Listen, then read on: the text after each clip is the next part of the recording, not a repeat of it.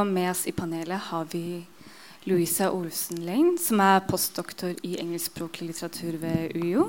Vi har Mohammed Abdi, som er spaltist i Dagsavisen og samfunnsdebattant. Og ordstyreren vår i kveld er Kaja Skjerven Molerin, som er kritiker, litteraturviter og forfatter. Etter stamtalen er det mulig å stille spørsmål til panelet. God fornøyelse. Tusen takk, eh, Julia. Um, ja, eh, som jeg tror mange her har erfart, så eh, var Tony Morrison og er fortsatt en høyt elsket forfatter. Uvanlig høyt elsket, eh, tror jeg vi må si. Og det fikk vi også se en del eh, uttrykk for i, kjølvannet av hennes bortgang. Kanskje overveldende i norsk eh, sammenheng. Den eh, kommer vi vel tilbake til utover i samtalen. men i stedet for at jeg skal holde, noen, holde en lang innledning her, så har jeg mer lyst til å gå rett på samtalen uh, her med dere og spørre dere litt åpent hva som var deres vei inn i Morrisons forfatterskap. Uh, for det, der tror jeg alle har en ganske personlig historie med hva det er som treffer på hvilken måte og når. Så da er ordet åpent. Ordet fritt. Ja, um hvordan var det du begynte? Jo, som student på allmenn litteraturvitenskap. Men eh, jeg føler egentlig at jeg ble introdusert for Tony Morrison to ganger.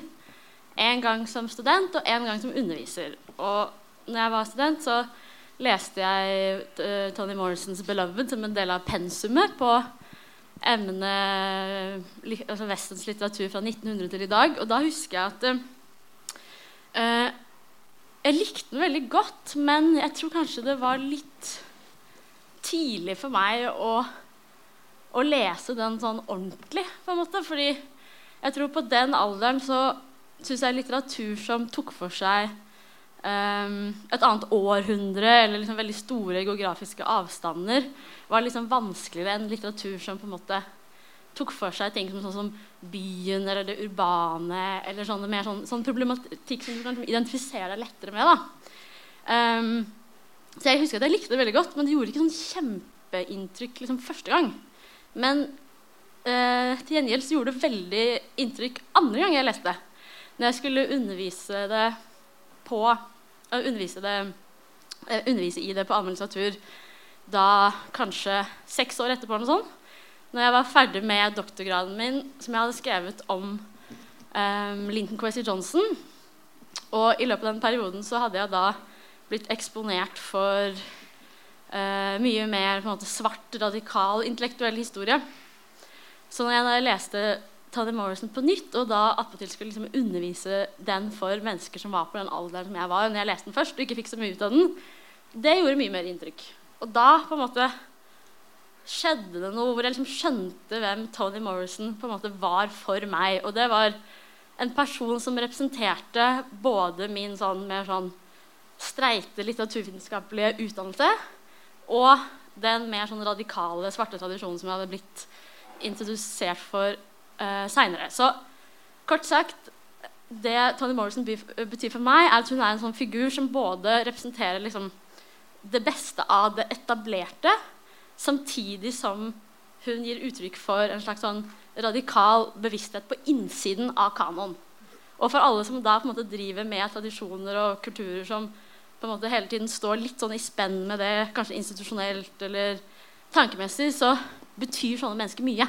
Fordi de, de, de, de får en sånn posisjon som viser at det er mulig med den type forflytning fra, liksom, fra utsida til innsida. Og det, liksom, det motiverer, da. Så ja, det er en sånn viktig sånn figur for meg fordi det viser hva som er mulig. Altså Både dette med gjenlesningens betydning og, og uh, Morrisons dobbeltposisjon, eller uh, ulike roller i den litterære offentligheten, uh, tror jeg vi kommer tilbake til ved flere anledninger. Jeg tror du også Mohammed, er interessert i det, og du sa jo til å begynne med her at du syns egentlig vi burde vært i Oslo Spektrum i dag eh, for, for, for, å snakke om Morrison. Så stort publikum fortjener hun. Eh, hva var din inngang? Jeg vil bare komme med en liten rettelse og si Fornebu Arena burde det vært. Men, eh, men, det, men, det, er fordi det er veldig enkelt å si at man har en favorittforfatter, og at det er en person som man ser opp til. Men på alle tenkelige måter var Tony Morrison, Tony Morrison noe ut ekstraordinært. Og det kan du bare, ikke bare se ved alle de prisene hun fikk. Så, den høyeste var i Nobelpris uh, litteratur. Men hun var, hun var fantastisk. jeg anbefaler folk å lese det hun har skrevet. min inngang altså, kan forklares på flere måter. Det ene er at jeg har vært i en periode hvor jeg eh, leste veldig mye av en god venn av henne, som også var en amerikansk, eh, afrikansk-amerikansk forfatter, James Baldwin. Eh, så det var egentlig via der jeg kom borti Tony Morrison. Og I dag så tok jeg bare et søk på Google og så skrev Tony Morrison. Nei, altså James Baldwin, og det første bildet som kommer opp Folk søker også på. er et bilde av Tony Morrison og så navnet hennes. Fordi man forbinder ikke bare fordi de begge var afrikanske amerikanske forfattere, men fordi de skriver fra den samme tradisjonen som du nevner på si, ulike vis. da, Uten at vi skal drive med sånn eh, Hva kalles det sånn eh, eh, Sammenlignende litteratur. Fins det noe sånt begrep? Det fins sammenlignende politikk. Men, eh, så Det var det som var inngangen min. Og så fikk jeg egentlig nok av å lese alle disse gubbene. Eh, med all respekt å melde. Jeg hadde for mye mye av den uh, leselista mi og mye av det jeg leser, fant jeg ut var menn. Det, jeg bare så, så, at jeg leste for mye mannlige forfattere. Så jeg vil en del si ja, men Mohammed er ikke det viktigste hva du leser og innholdet, enn hvem som har skrevet det. Jeg, jeg, tenker det er, en, eh, det er ikke helt riktig. Det, det, hvem vi leser, har også noe å si, ikke bare hva vi leser. Um, så Tony Morrison ble av den grunn en, um, en forfatter som jeg kom via James Baldwin, og en forfatter som uh, også har hatt en betydning på den måten mye av de te te temaene jeg tar opp i norsk offentlighet når jeg skriver i min spalte på Dagsavisen eller når jeg skrev før i Morgenbladet, eh, når jeg deltar i paneler som dette her. Og det er rasisme, som er en av de røde trådene i forfatterskapet hennes. Eh, primært den rasismen som har rammet afrikanske amerikanere og andre fargede minoriteter i USA, men også den, det universelle antirasistiske budskapet hun har. Selv om hun kanskje ikke ville kalt seg selv en aktivist, så var hun på mange måter en aktivistisk forfatter. Eh, så jeg, eh, jeg ble kjent med henne via James Baldwin og tenkte at uh, det, det, ble jo bare bedre. Mange sier at når du har lest en veldig stor forfatter, så er det vanskelig å finne noe like bra. Men med all respekt å melde til James Baldwin, som også står meg veldig nær, mitt litterære hjerte, så eh, har Tony Morrison eh, gitt meg like mye, eller iallfall mer, for å være helt ærlig. Takk. Eh, dere har jo begge vært eh, inne på det nå. Eh, hennes altså Tonje Morrisons ganske, altså veldig brede appell. hun hadde et uvanlig bredt publikum, ikke bare lest i, i skal si, akademiske kretser, men også i, altså blant allmenne lesere. Og jeg vet at du Louise, har vært litt opptatt av Oprah Winfreys rolle uh, i formidlingen av Tony Morrison. Kan du si litt om det? Du har kanskje noen meninger om det, du også? Uh, ja. Um, det har litt å gjøre med at uh, før, selv før allmenn litteraturvitenskap så hadde jeg faktisk møte med Tony Morrison på TV Norge. I den Oprah Winfreys produksjon av 'Beloved'. Og da, tenkte, så, så, da forbandt liksom, Jeg hadde en forbindelse sånn Tenkte Oprah eh, Winfrey i forbindelse med liksom, den boka. Uh, men så tenkte jeg ikke over det noe mer før jeg skjønte at hun har jo egentlig hatt en mye større rolle enn det, fordi hun produserte jo den filmen.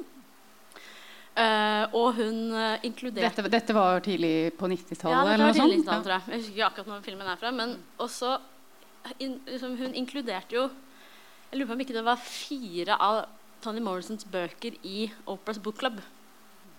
Fire bøker. Sånn at liksom uh, Jeg husker ikke hva som var liksom, tallene, men i hvert fall altså, hun fikk Tony Morrison ut til et veldig stort uh, lesende publikum. da. Og det synes jeg er interessant, for det sier liksom, Apropos det der men jeg snakket om den liksom, radikale svarte tradisjonen, og sånn, og så Opera som representerer en sånn derre ganske altså, veldig mainstream kommersverden. ikke sant? Og så Tony Morrison er en figur som selv klarer å liksom komme seg inn der. Det er noe interessant i det, i det derre uh, Ja, det der dobbelt, uh, den dobbeltheten der. Da. Og så Eh, det, det siste i forhold til Opera er jo at eh, dette her kan man jo gå og se på YouTube, fordi det er veldig mange klipp. Fordi Tony Morrison har også vært på Opera Winfrey Show ganske mange ganger. Men, ehm, men ja, altså hun har jo liksom hatt en stor rolle i å få ut mange bøker da, ute til et kommersielt publikum, men i hvert fall Tony Morrison. Og eh, det er mange, interessant, mange ting, eh, interessante ting der også i forhold til liksom, tematikken i noen av de bøkene. Fordi Oprah Winfrey jo, liksom, har gjort seg kjent for sin overgrepshistorie. Og at hun er en svart amerikansk dame som kommer fra fattigkår, og som har vært utsatt for overgrep, og som har liksom blitt en sånn superrik eh, eh, Hollywood-person. Jeg tror det var første kvinnelige milliardæren som er svart. Ja, ikke sant? Og så, hvis du tenker på tematikken i 'Beloved', og særlig knyttet til slutten når det, eh, Her må du presisere, ja. i Ja, tilfelle ja, ikke alle har den I hvert fall i slu slutten av 'Beloved' så, um, så sier Seth, altså det, moren som har drept barnet sitt at liksom hun, hun viser seg at barnet liksom var noe av det beste av henne. da. Og så sier Paul de Ma ma øh, mannen som hun elsker, eller mannen, eller hva det er, um, at øh, korrigerer henne og sier liksom, Nei, øh, du er det beste du har. Og det er jo tankegangen om å elske seg selv. ikke sant? Bare skyte inn her at Ja. hun altså har drept barnet sitt fordi Ja. hun vil redde det fra slaveriets Ja. såk. Ja. Sant? Som altså det, ja. Men i hvert fall slutten der er jo liksom en slags sånn tankegang om, eller en slags budskap om å elske seg selv. Og det er jo det budskapet Opera har også blitt kjent for gjennom uh, daytime television. Så det er, liksom, det er litt på siden, men sånn kuriøs, et kuriøst eksempel på hvordan veldig, liksom, egentlig veldig radikale ideer kan også måte nå veldig bredt. Og et publikum som er langt utafor det, som er liksom svart, liksom svart radikal tradisjon. Og det har jo Tony Morrison fått til på en sånn måte som jeg tror nesten ingen andre har klart på samme måte. Jeg skal bare supplere litt det Louisa sa. Eh, fun fact for øvrig, apropos Oprah Winfrey, Tony Morrison og sånn. Oprah Winfrey spilte i en filmatisering av 'Beloved' som ikke ble veldig Den floppa, da. Det ble ikke helt sånn Og det har ikke noe med boka til Tony Morrison, men fordi film, filmversjonen ikke ble så bra. Du vet hva man sier, Filmen er ikke så like bra som boka. Men hun, jeg tror hun spilte sett. Så det, det, Oprah Winfrey var ikke bare en som prøvde å få ut Tony Morrisons verk til allmuen, eller allmennheten, men hun var også en stor fan til den grad at hun ville spille en rolle for en av, en av karakterene i eh, romanene hennes. Eh, men en annen grunn til også at det har blitt mainstream, er jo fordi eh, og dette har kanskje Louisa litt mer innsikt enn meg, er at eh, Tony Morrisons forfatter, altså verk har jo også vært veldig mye brukt i amerikansk skole. Mm. litt som her i Norge så leser vi Villand og Ibsen og, og De fire store osv. Så, videre, så har Tony Morrison til tider vært en av de som typisk sånn ungdomsskole, sånn junior high og high school. Selv om det har hendt iblant at hun har blitt sensurert og foreldre har klaga og innholdet i bøkene. Hun har vært en av de mest kontroversielle eh, som har stått på skolepensum i amerikanske skoler. Eh, og fengsler. Bøkene hennes har ikke vært tilgjengelige på noen fengsler. og sånt. Og Det har noe med at den, de temaene hun tar opp Men s, uh, uten å gå så mye inn på uh, hver enkelt av dem, så er det også den, det budskapet hun selger. Og det temaet hun tar opp, men det budskapet hun selger, som jeg her kan kanskje noen være uenig med, men jeg syns det er radikal håp. Det er en sånn, hun prøver å selge håp til mennesker. Eh, når du nevner 'Beloved' her, så sier eh, eh, Hvis jeg ikke husker feil, så er det Paul D som sier til eh, Seth som Og dette er greit å vite at eh, mange av eh, handlingene i Tony, eh, Tony Morrisons romaner er egentlig Du får tidlig presentert handlingen. Så det er litt sånn mysterieromanaktig. Eh, ikke, man skal ikke være forsiktig å kalle hennes verk for mysterieroman, men du får vite hva som har skjedd, og så får du Nei, du får vite det som har hendt, og så skal du få vite hva, hvem som gjorde hva, osv. Så, videre. så det er sånn eh, 'Beloved' er egentlig basert på en sann historie. da Margaret Sanger, som var en eh, fra 1840-tallet en frigitt, altså ikke frigitt, men en rømt slave, som var redd for å bli fanget igjen og bli putta inn i slaverien. Så hun eh, Dette er ekstremt, da. Den scenen også er i 'Beloved'. Eh, hun tok en sag og saga over eh, halsen til sin toåring. Jeg tror det var en toåring, eh, to år gamle datter. Da, si. Um, så det er, det er sånn der, veldig sånn interessant, uten å gå så mye inn på sånn, alt, er at hun, hun tar opp disse temaene som gjør at mange føler at det er temaer som er altfor tunge å ta opp. Og eh, samtidig så det er derfor det man er redd for og det er derfor disse eh, en del amerikanske foreldre, ikke bare hvite foreldre, men en del andre føler for at dette kan ikke bli tatt opp i skolepensum, og det må blokkeres og sånt. Så det er en del av bøkene hennes har blitt utfordra mye på delstatnivåer. Mm. I sånne skoledistrikter. Må spørre dere nå egentlig et spørsmål jeg hadde tenkt å vente litt med, men siden Beloved har vært oppe eh, såpass uh, mange ganger uh, nå, da, så For dette er jo en bok som kommer i 1987, hvis ikke jeg husker et feil. og en bok hun startet å skrive på slutten av 70-tallet. Og det, handlingen er lagt altså til 1800, slutten av 1800-tallet. Eller 1870. 1870 ja, ikke sant? Noe sånt. Etter, ja, 1870. Ja.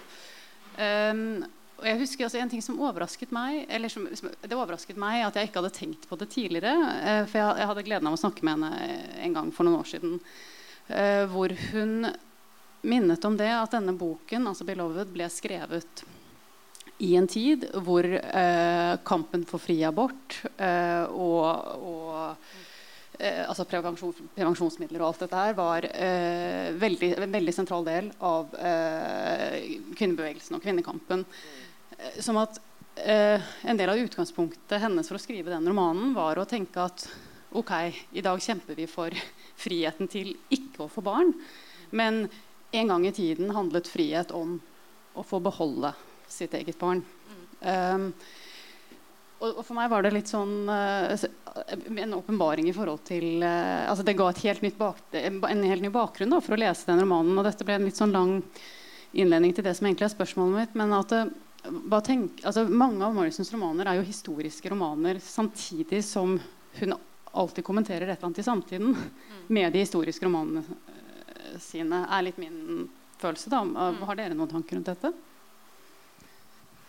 Altså, jeg tenker at uh, jeg, jeg, visste ikke at det var knytta sånn spesielt til liksom, de sakene da, og abortsaken. Sånn. Det, det, var nok et ganske fritt utgangspunkt, men det var en del av det kulturelle bakteppet da, for, mm. mens hun sitter og skriver denne boka. Ja. Men at den boka tar opp veldig mange ting som, som, liksom, som når du leser det, liksom fremstår som eh, altså, altså, kvinnespørsmål eller til og med altså bare feministiske kampsaker. Det, ville, det tenkte jeg jo kanskje eh, Det var kanskje det jeg la mest merke til første gang jeg leste boken. Altså, så, uten den konteksten av det liksom, sånn som jeg leste etterpå av liksom, svart intellektuell historie, så var det jo nettopp det perspektivet du du nevner som på en måte sto fram som ganske tydelig. ikke sant?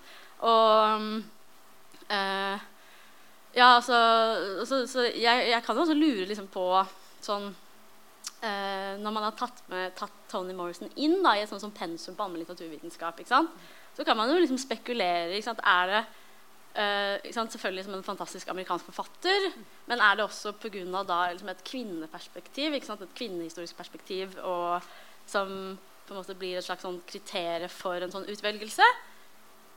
Eller det at det er en svart forfatter som tar liksom spørsmålene. Jeg synes Det er også litt interessant, da, fordi det handler litt om uh, hva man legger merke til først. på en måte, hvis du skjønner sånn, hva, hva, man legger merke til. Altså, begge deler er der, men hva man legger merke til først som leser, og kanskje hvem som vil uh, fremheve det ene og det andre, og hvem som vil se det i sammenheng. Sånn. det er noen interessante spørsmål der.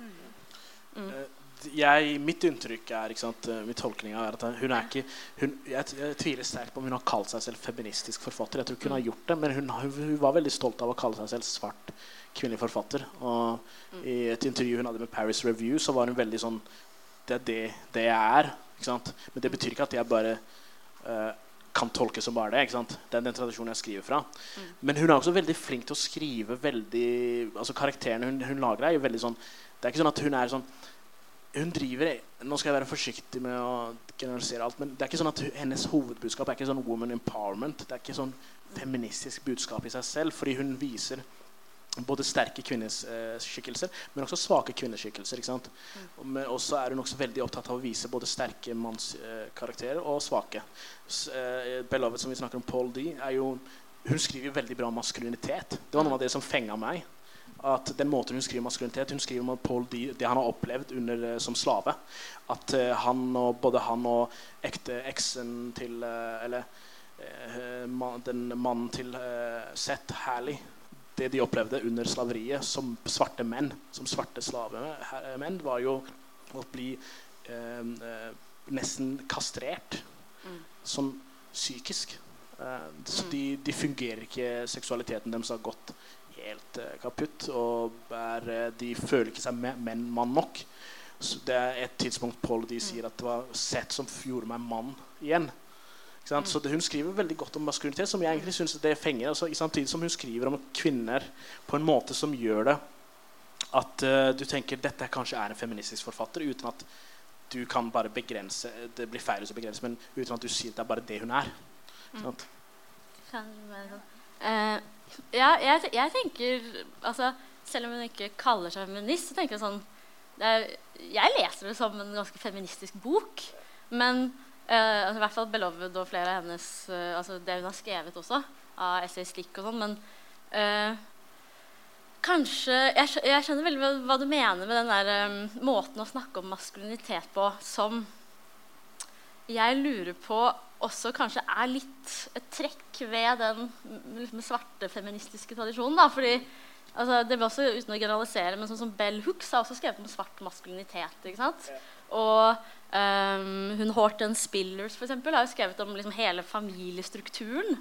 Så jeg vet ikke, jeg tenker kanskje at det kan hende at på en måte hennes mer sånn måte å fremstille de kvinnesakene på og disse kvinnenes situasjon må ses mye mer i sam sammenheng med en sånn ja, men en, et system som gjør noe med en hel familiestruktur. Hvor barn ikke bare er liksom de barn, hvor mannen er ikke. ikke? Det er, en sånn opp, det er sånn et helt sånt øh, ja, Jeg kanskje ser det mer som sånn altså, relasjon, Mye mer sånn relasjonelt. på en måte At du kan ikke se de rollene eller den øh, svarte liksom, kvinneligheten som hun fremstiller i isola isolasjon fra det som da på en måte er eieren, det som er barnet, det som er mannen. Det som er alle disse her personene. ikke sant? Så det blir kanskje gir mindre mening å snakke om det liksom, som sånn ren, ren fortelling om ren kvinnelighet. eller altså, sånn. Mannlighet osv. Ja, jeg er Ja. fullstendig enig. Jeg Ja. er enig fordi den institusjonen, eller den Mm. eh, systemet hun kritiserer, er det slaveriet. Mm. Og det, hva det gjorde med den afrikansk-amerikanske familien. Mm. Eh, at det var eh, Når du føder en barn, så blir det barnet tatt fra deg som mor. Ikke sant? Eh, og eh, menn eh, bor ikke med eh, konene sine. Og det fantes ikke noen familie i, under slavetida. Bokstavelig talt. Så hun prøver å ta opp det. Den, the breakdown of the family eh, eh, Mm. the, the, black, uh, the African American, the black family? Mm. er gjennomgående i mange av bøkene hennes. Eh, samtidig så er det sånn at noe av det som gjør hennes eh, karakterer siden vi om karakterer, er at det, som fantastisk, er det at hun skriver aldri endimensjonale karakterer. Altså, ikke, hun, sånn dual, hun forholder seg ikke til dualisme, gode og onde karakterer. Uh, det eksempelet vi nevnte, som vi har om Beloved, uh, sett. De fleste mennesker vil si jeg driter i om du var slave eller ikke. Hvorfor dreper du toåringen din med sag? og kutter av? Hvis vi skal drive med sånn moralsk prekener Toni Morrison gjør ikke det. Hun kommer ikke med moralske prekener. Men det er ikke for at vi skal få sympati til Seth. Det er ikke det det handler om. Men det er for å beskrive hva arven av slaveri, eller hva slaveriet som institusjon gjør med det enkelte mennesket, og særlig i dette tilfellet mor. Mm. Så det er ikke sympati hun prøver å score ved å ikke med noen der moralsk pekefinger. Hun er ikke en sånn forfatter. Hun driver ikke med endimensjonale eller sånn dualisme, sånn gode og onde. Og mange av karakterene hennes er jo egentlig drittsekker, hvis jeg skal si det rett ut. Noen av mennene særlig. Men du, du sitter igjen og tenker Oi, det er ikke så enkelt kanskje å bare si at de er drittsekker.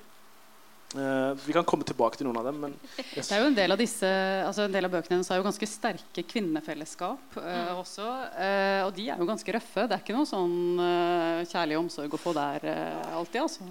Eller, Nei. Tough eh, woman love. Nei, men det er, Sula er jo et eksempel, ikke sant? Ja. Eh, eh, den som er en sånn slags Blir det riktig å si du er litteraturviteren? Bildungroman, altså dannelsesromanaktig. Som Sula og Nell, som er to bestevenninner. Kommer fra to forskjellige familiebakgrunn. Den ene er- kommer fra sånn litt sånn slack familie som ikke følger de sosiale konvensjonene. og sånt, altså Sula, Mens Nell er mer sånn kommer fra en veldig rigid, konservativ, nesten familie. Så det handler om deres at de utfyller hverandre og hele livet deres. Men det er fellesskap for dem. Det er vennskap. Så hun, hun skaper også veldig sterke Det sa hun sånn i Paris Review-intervjuet. At en av hennes eh, oppgaver med romanene var å vise at kvinner kan være venner uten at det har noe med menn i det hele tatt å gjøre. Hun prøvde å vise den der, vens, det vennskapet mellom kvinner fordi kvinner ønsker å være venner. Ikke fordi de føler seg påtvunget eller fordi samfunnet eller, Så hun, hun, var veldig opptatt av å skape sånne, eh, sånne karakterer. da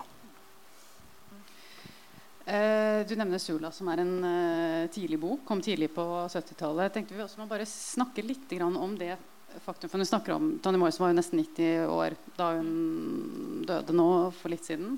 Uh, hadde et langt uh, forfatterskap. men hun debuterte uvanlig seint. Hun var faktisk 40 år da hun debuterte. det var vel i 1970 med 'The Bluest Eye', som jo er en, også det en overgreps historie. Men, men, da hadde hun også hatt lang fartstid i andre deler av uh, amerikansk litterær um, offentlighet. Altså, har dere noen tanker om den rollen den, hun har spilt i amerikansk offentlighet? Både i altså, tenker forlagsbransje, eh, som foreleser ved Princeton, vel? Nei, Columbia, er det vel? Eh, hun er vel emeritusprofessor på Princeton, i hvert fall ja. på slutten. Ja.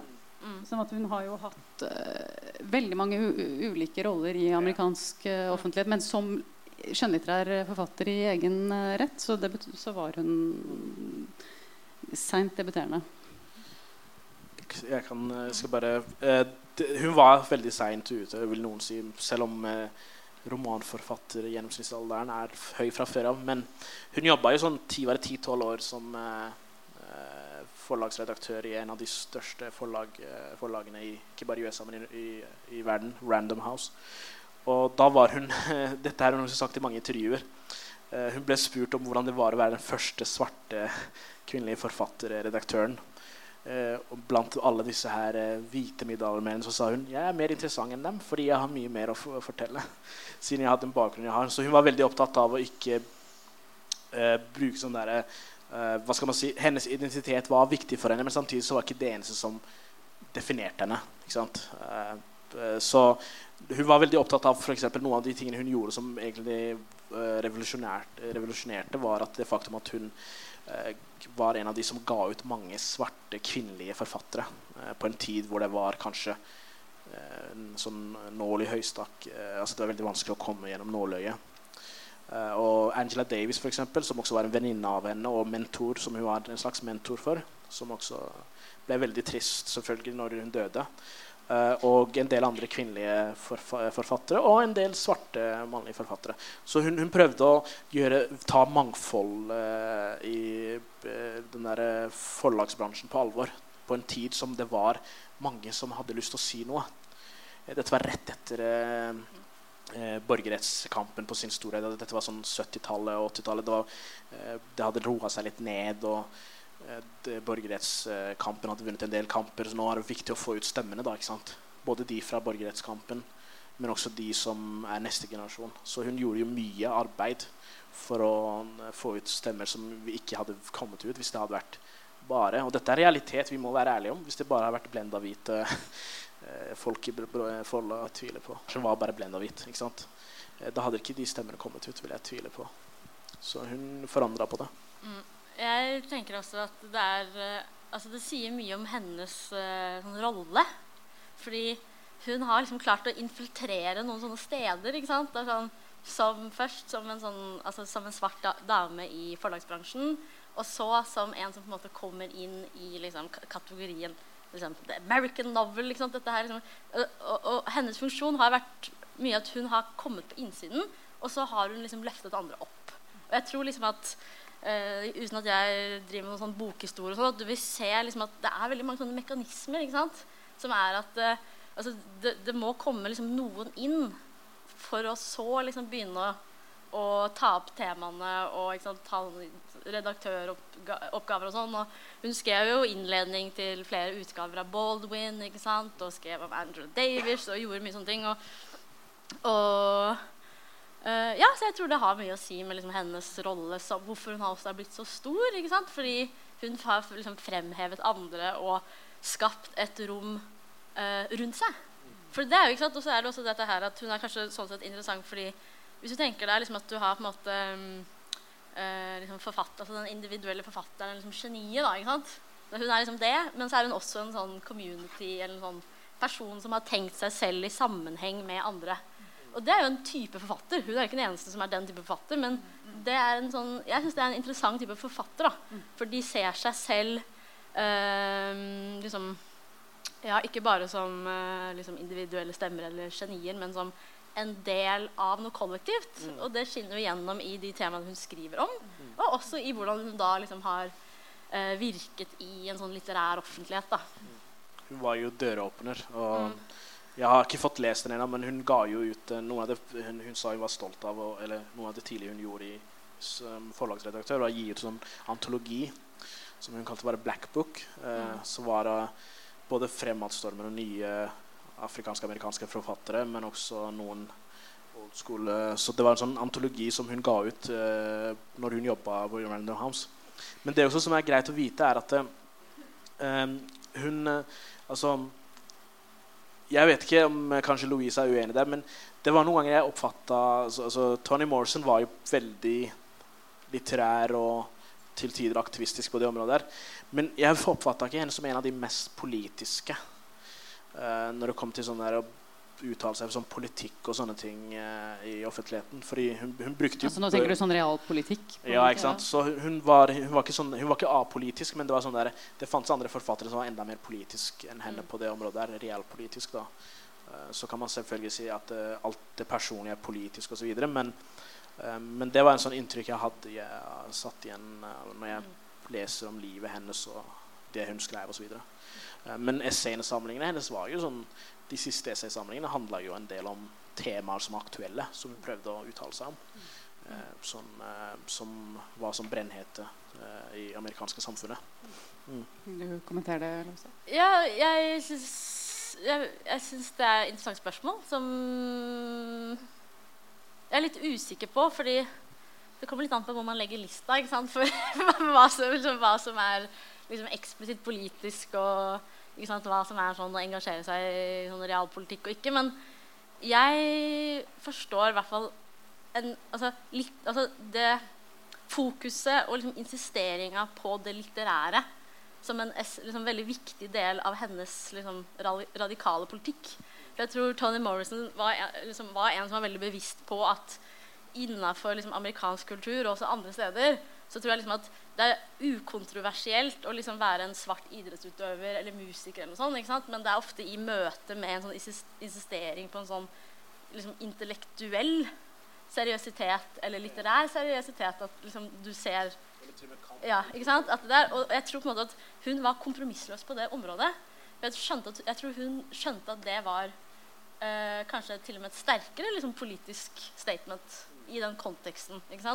Og med tanke på den forlagsbransjen hun var i, hvor hun også? Hun, fortalt, hun ville gi ut bøker av svarte forfattere, Uh, og fikk beskjed om at ja, men ikke sant, the, the other side of the road, altså, altså da de, de, de den uh, afroamerikanske befolkninga kjøpte ikke like mange bøker. ikke sant? Så hun var jo liksom hele tiden i et felt hvor hun ble Altså måtte liksom eh, hva skal man si, forsvare tankegangen om at bøker og bøkenes verden var liksom et legitimt en le legitim uttrykksform fordi alle disse tingene og tankene sirkulerte. og sånn. Og Derfor tror jeg liksom, ja, at det, hun, måte, det å insistere på måte språkets kraft og litteraturens rolle som en del av en sånn afroamerikansk kamp, det tror jeg var hennes liksom, eh, radikale, mest radikale side. da.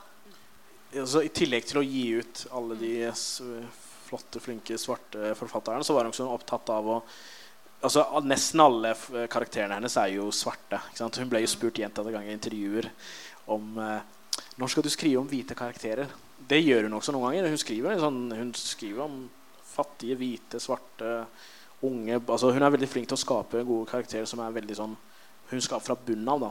Men hun ble spurt om det, så, så sa hun jeg er jo først og fremst en, Afrika, altså en African American writer og en svart kvinnelig forfatter. Det er ingen som spurte uh, James Joyce, som er en av hennes favorittforfattere, om når skal du skrive om andre enn irere.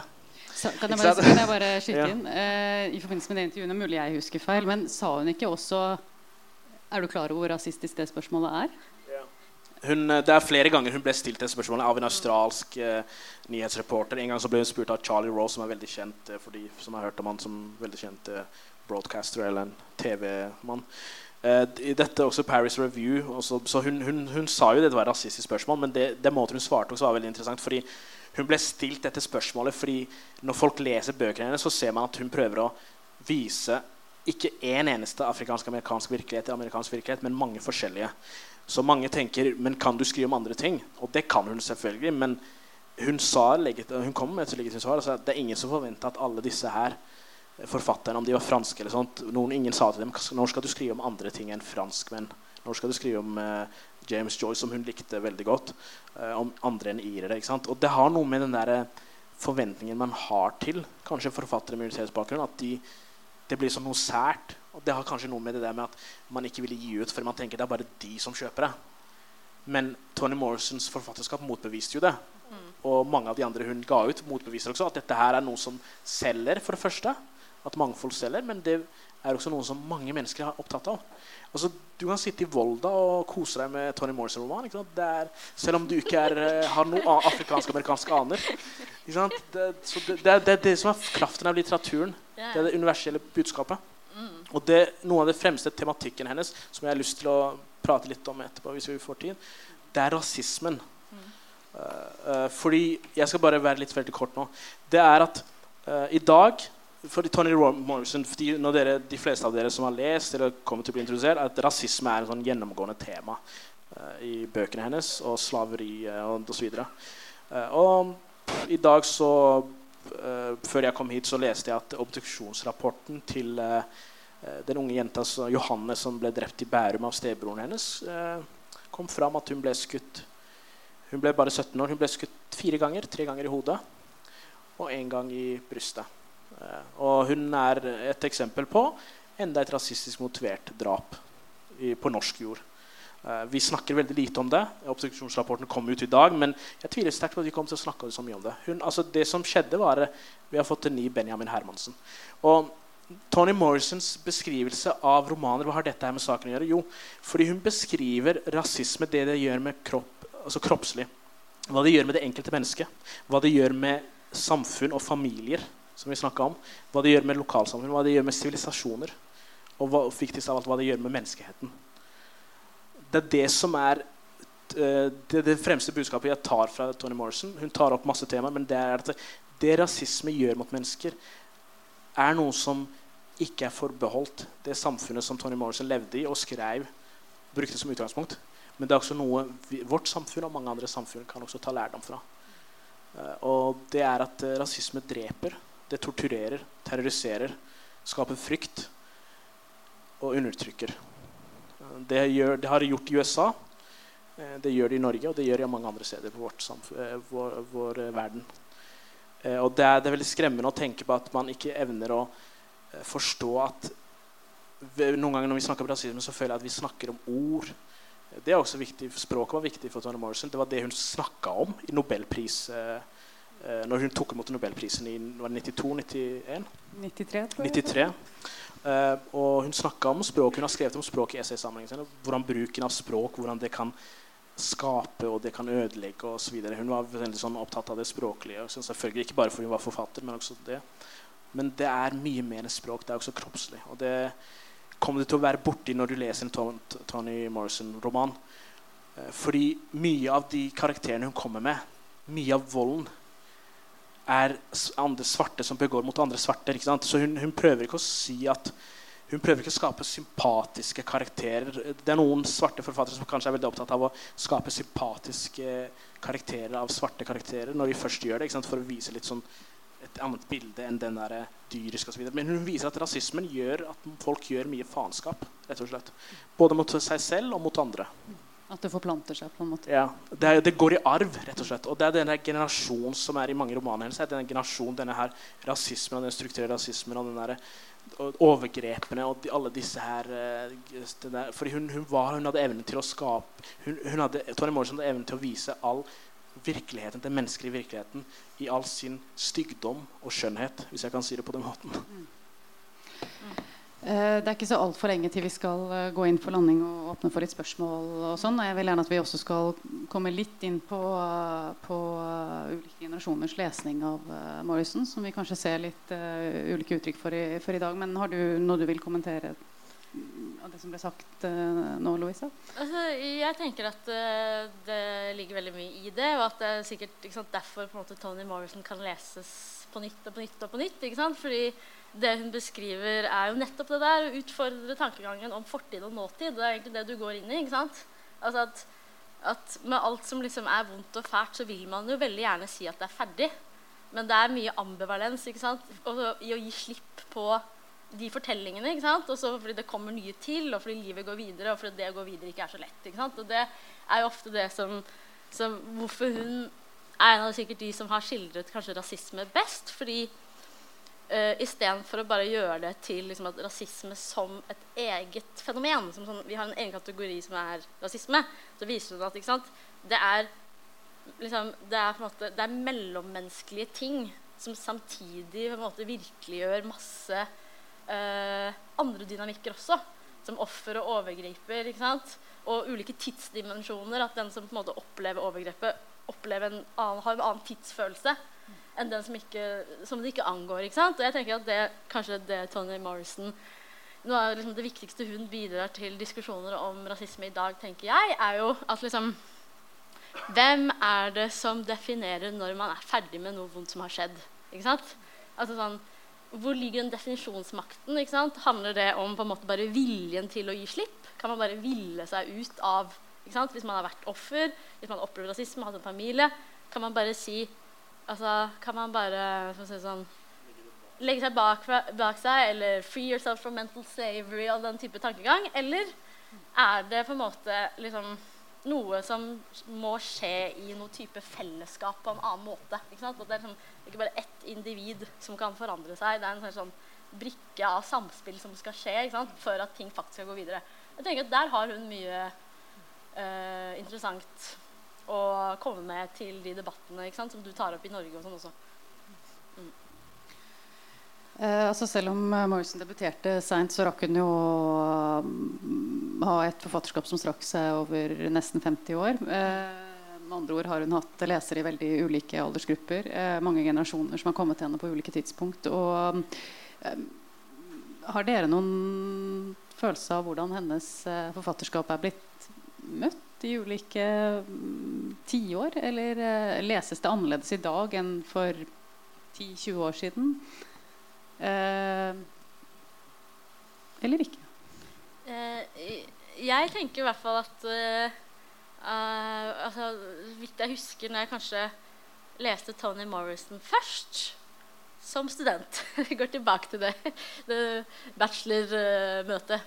Uh, da tror jeg det var liksom postkolonial teori. At det var veldig sånn at på en måte Tony Morrison kunne man snakke om som hvilken som helst liksom, minoritetsforfatter. Uh, eller forfatter fra sør eller ikke-vestlig. Liksom, som om det var helt samme ting. Jeg tror det er blitt en større bevissthet om at, uh, at um, sånn som Tony Morrison og liksom, svarte amerikanske stemmer da, er amerikanske stemmer som snakker om rase. Altså, de snakker ikke om måte, et kolon, bare et enkelt kolonialt forhold mellom uh, altså, De er en del av Vesten. Altså, de forteller en historie om Vesten fra Vesten. Liksom. Og det er faktisk noe annet. Og jeg tror at uh, mye av den, uh, måte, det som kalles critical race, og den innflytelsen det har fått i Norge via det som skjer internasjonalt, er vel bare at, at man kanskje skjønner at veldig mange av de spørsmålene er knyttet til en egen nasjonal selvforståelse. altså Det går i kjernen av hva det vil si å være amerikaner, hva det vil være å være vestlig, eller hva det vil være å være moderne. ikke sant? For det er også det Tony Morrison viser, er jo at, at uh, spørsmål knyttet til rase, og etnisitet og folkegrupper er en fortelling om moderniteten, ikke sant? som vi alle er en del av. Og det hun beskriver i forhold til liksom, omplassering, altså, omplassering det, det hvor liksom, Alt fra The Great Migration til liksom, uh, The Middle Passage er fortellinger om mennesker fra ett sted som lever i uh, Som lever på ja. Ja, altså, så det er liksom Det er forskjellige sånne altså, Great Migration er vel be, liksom be, eh, befo- altså, eh, afroamerikanere som dro nord. Uh, ja, ja. ja. Ja. Men i hvert fall liksom tankegangen om forflytninger for, av store folkegrupper. da. Det er også det er veldig mye Tony Morrison snakker om. Uh, og at uh, det vi forbinder med det å være et moderne menneske som å være på et sted sammen med andre fra andre steder. At vi forflytter oss. At vi er på en måte fremmedgjort fra et sånt liksom, stammesamfunn der vi liksom egentlig kommer fra, men er sånne sammensatte befolkninger. Det er veldig mange ting som handler om liksom, essensielle kjennetegn ved moderne identitet. Og jeg tror, uh, når jeg ser hva Edvard Louise skriver om eh, Tony Morrison og måten han snakker om det, og hvordan måte, alle som tilhører en eller annen eh, minoritetsgruppe, eller som bare har vært et voldsoffer, kan identifisere seg med det hun skriver, det tror jeg er et eksempel på at vi kanskje, og kanskje det er optimistisk, slutter å liksom gettofisere afroamerikanske forfattere, og kanskje er i ferd med å- liksom, åpne for at det er andre felt og andre forbindelser hvor disse forfatterne også deltar. Da. Ja, fordi Edvard Louis, Edvard Louis jeg, er jo veldig stor fan av henne. Ja. Han har også sagt eh, flere ganger at han, har- han har blitt veldig sterkt påvirket av henne. Og det ser du også i forfatterskapet hans. Jeg, jeg, bare hvis jeg skal kort svare der uh, du spurte der, Kaja, det er at det, det er veldig sånn der uh, Altså Tematikken er egentlig det som er veldig universelt. Hvis du spør meg de, de tingene hun tar opp, det er evig, altså det gjelder fortsatt, og uansett hvor du befinner deg. Eh, Så at hun gjør det på en spesifikk eh, kontekst, som er å snakke, skrive om afrikanske-amerikanske karakterer, eh, det, det bør egentlig ikke stoppe en fra å tenke at Toni Morrison ikke er noe jeg ikke bør lese, fordi det angår ikke meg, det hun skriver om. Norge har ikke opplevd slaveri, vi- har ikke opplevd mine oldeforeldre, tippforeldeforeldre var ikke slaver osv. Det, har- det er mye mer det er det menneskelige som forener oss, som er det viktigste. Men jeg vil bare nevne én siste ting eh, før vi slipper til salen. Det er at eh, det er også greit å vite at eh, mye av det Tony Morrison skriver om i bøkene sine, er jo sånn hun, hun har jo også en, må, en måte å skrive på som gjør at du Det er tilgjengelig. Hvis jeg kan si det på den måten. Det er ikke sånn, hef, det er ikke sånn veldig vanskelige ting å lese. Eh, igjen, mye av det har jo blitt brukt i skole. Som, samtidig som det er tilgjengelig, så er det veldig poetisk. Men Toni Morrison, slik jeg skjønte det når hun uttalte seg, hun ble spurt om de spørsmålene i intervjuet, så sa hun at hun så ikke på seg selv som poet. Eh, Det, det er ikke sånn at hun, et ord hun hata, men jeg føler det eh, Altså den eh, leseinntrykket, eller det inntrykket jeg sitter igjen med etter å ha lest eh, bøkene hennes, er at eh, hun er en sånn veldig poetisk og hun er veldig sånn en ordsmed. Eh, Så vil noen si Det er ikke overraskende, for hun var jo redaktør lenge. Så hun, hun veier alle sine setninger og ord på en veldig sånn fin måte. Jeg, noen av de fineste linjene jeg har lest, har vært i en roman hennes. F.eks. når hun eh, Jeg tror det var, var det Seth som sier Nei, Paul D som sier til Seth eh, Me and you have had lot of yesterdays, we need some kind of tomorrow. Jeg syns det er en veldig sånn fin setning som viser den eh, det, er- når det det er på slutten, tror jeg, at det fins fortsatt håp. Med mange yesterdays så betyr det vi har hatt masse struggles, vi har hatt masse tap, vi har lidd mye. Vi har eh, gått gjennom mye, men vi, har fortsatt, eh, vi bør ha en, fortsatt en morgendag. Det syns jeg er en veldig fin eh, linje. Ja, veldig fint. Med det åpner vi for spørsmål fra salen, hvis det skulle være noe. Ja, der er det. Jeg tror det kommer en mikrofon. Er det noen spørsmål? Da er det bare å komme, komme opp hit.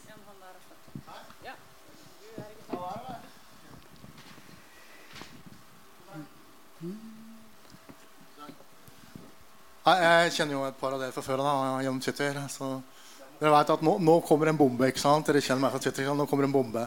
Det er godt jeg er ordstyrer. Det er greit, det er bra. det er bra. Jeg kjenner deg også. det er Kult. Jeg husker en gang jeg spurte deg, det ble rett før vinduet, spurte ham åssen har du tenkt å gjøre vinduet farlig. Ok, men nå skal jeg komme til poenget. Gjør det, du. Vel, det er faktisk en bombe. Jeg tuller ikke. Kom med den. Ja, når det gjelder eh, pionerer innen feminismen, banebrytende kvinnelige forfattere, så vil jeg gjerne komme med en saksopplysning. Det gjelder Mina Lai. Har dere hørt om henne før? Mina Lai? Ingen av dere? Eh, Jeg kjenner navnet, ikke les. Greit. Bare for å putte et nøtteskall. Lorraine Martin Hun skriver om Mina Lai på sin eh, litteraturnettside Words of Woman følgende Mina Lai is the founder of modern feminism. Mina Lai is the greatest poet since Walt Whitman. Mina Lai is unknown. Dette skrev hun i 2016. I 1914 utga Mina Lai et skrift som hun kalte The Feminist Manifesto. Det er rett og slett en bannbulle hvor hun innstendig oppfordrer kvinner til at hvis de skal ha mulighet til å bli behandlet som fullverdige mennesker, må de gjøre opprør mot patriarkiet. De kan ikke finne seg i å rette seg etter mennenes behov om hva de skal være. Da manifestet ble utgitt i 1914, ble det straks fordømt. Det ble også de andre bøkene hun skrev og fikk utgitt. En roman og noen diktsamlinger. Hatet som ble rettet mot henne, var så sterkt at hun valgte å trekke seg tilbake fra offentligheten og levde resten av sitt liv i anonymitet. Siden den gangen er det blitt gjort noen forsøk på å gjøre henne kjent. Bøkene hennes er blitt utgitt. Alle har strandet.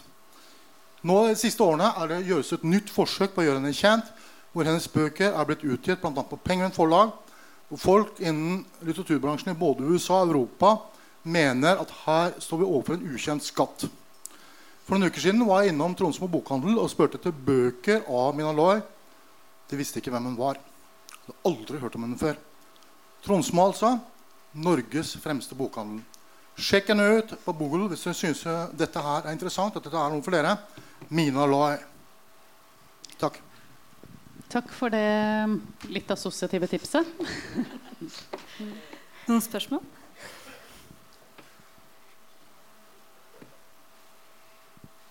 Ingen spørsmål? Tror jeg vi sier Jo, et bak der. Skal vi se hvis du kommer frem.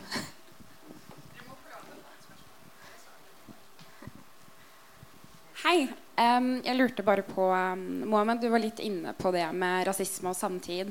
Uh, kunne dere på en måte pekt ut noe annet da, fra uh, Tony Morrisons uh, evne til å trekke frem ting da, i samtiden som kan være andre aktuelle temaer enn måte, kvinnefrigjøring eller abortkamp? Hun skrev jo om veldig mye annet også.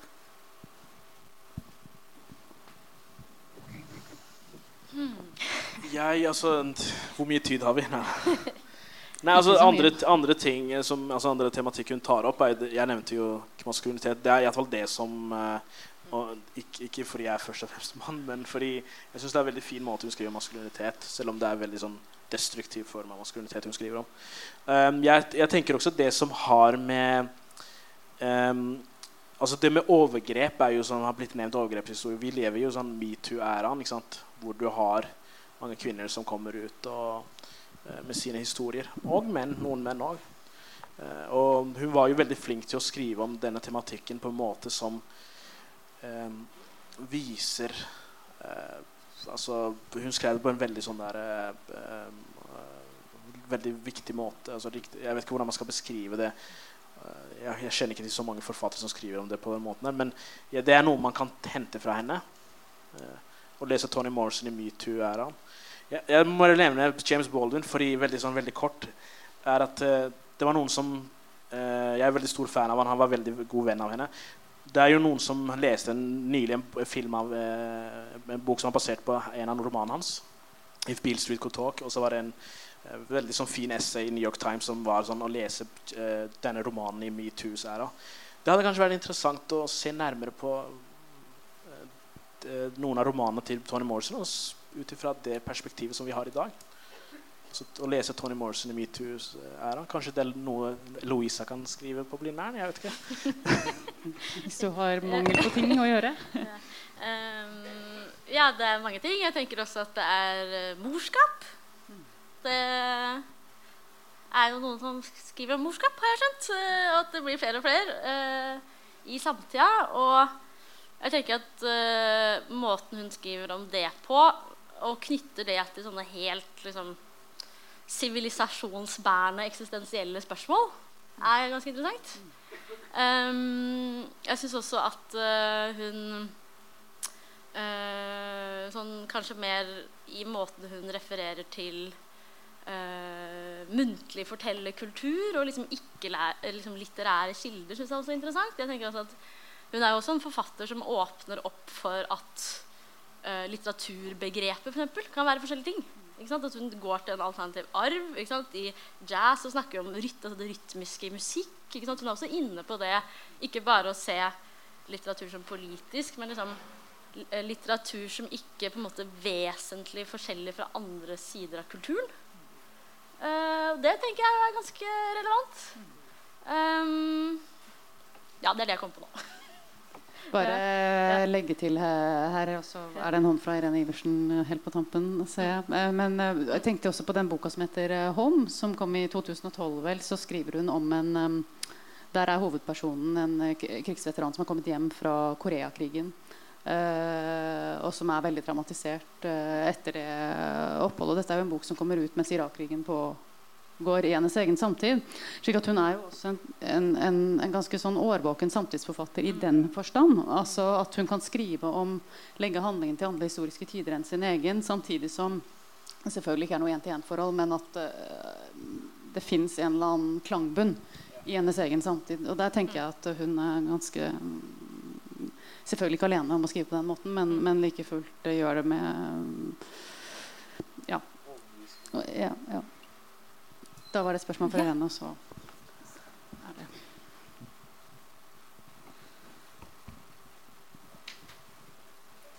Jeg hadde bare lyst til å si noe om det Altså uh, Tony Morrison At hun skriver historie.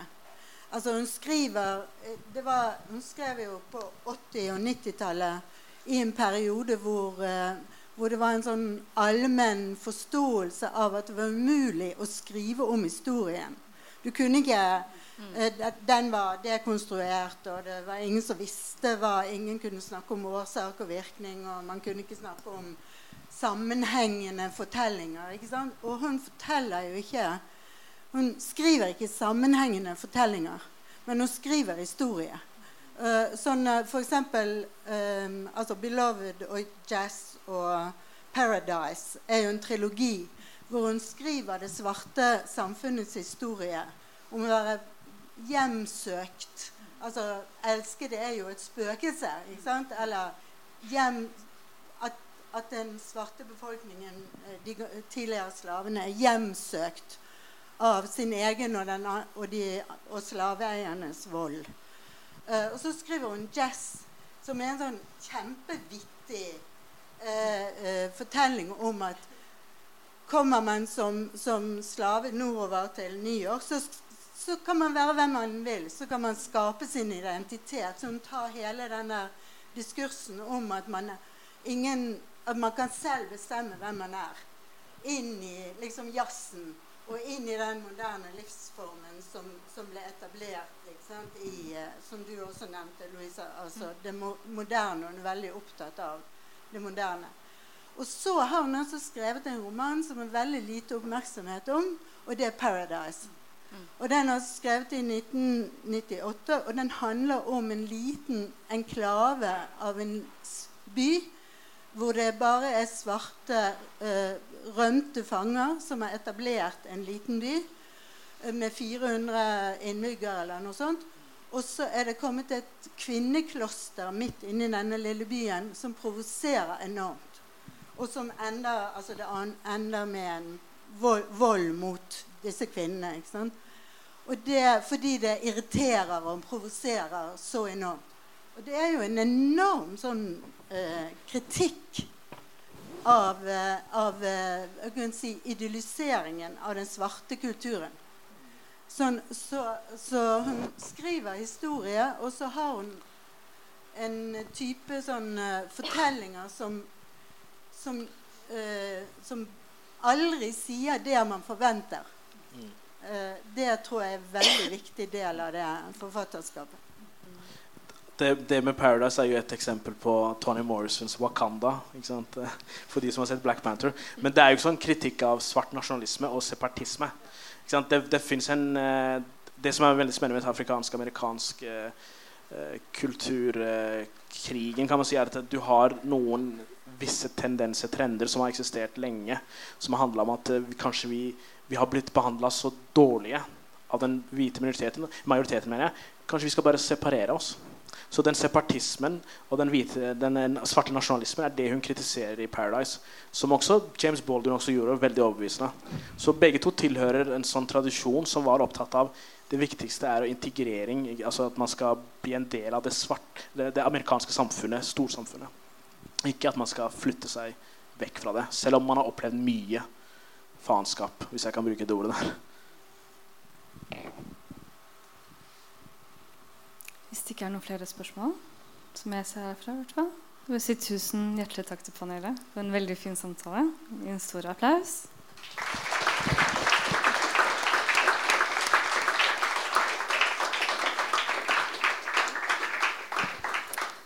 Så kan jeg informere om at neste uke, neste tirsdag, så blir det en samtale om eh, forfatterskapet til Jan Roar Leikvoll. Så kom da, altså.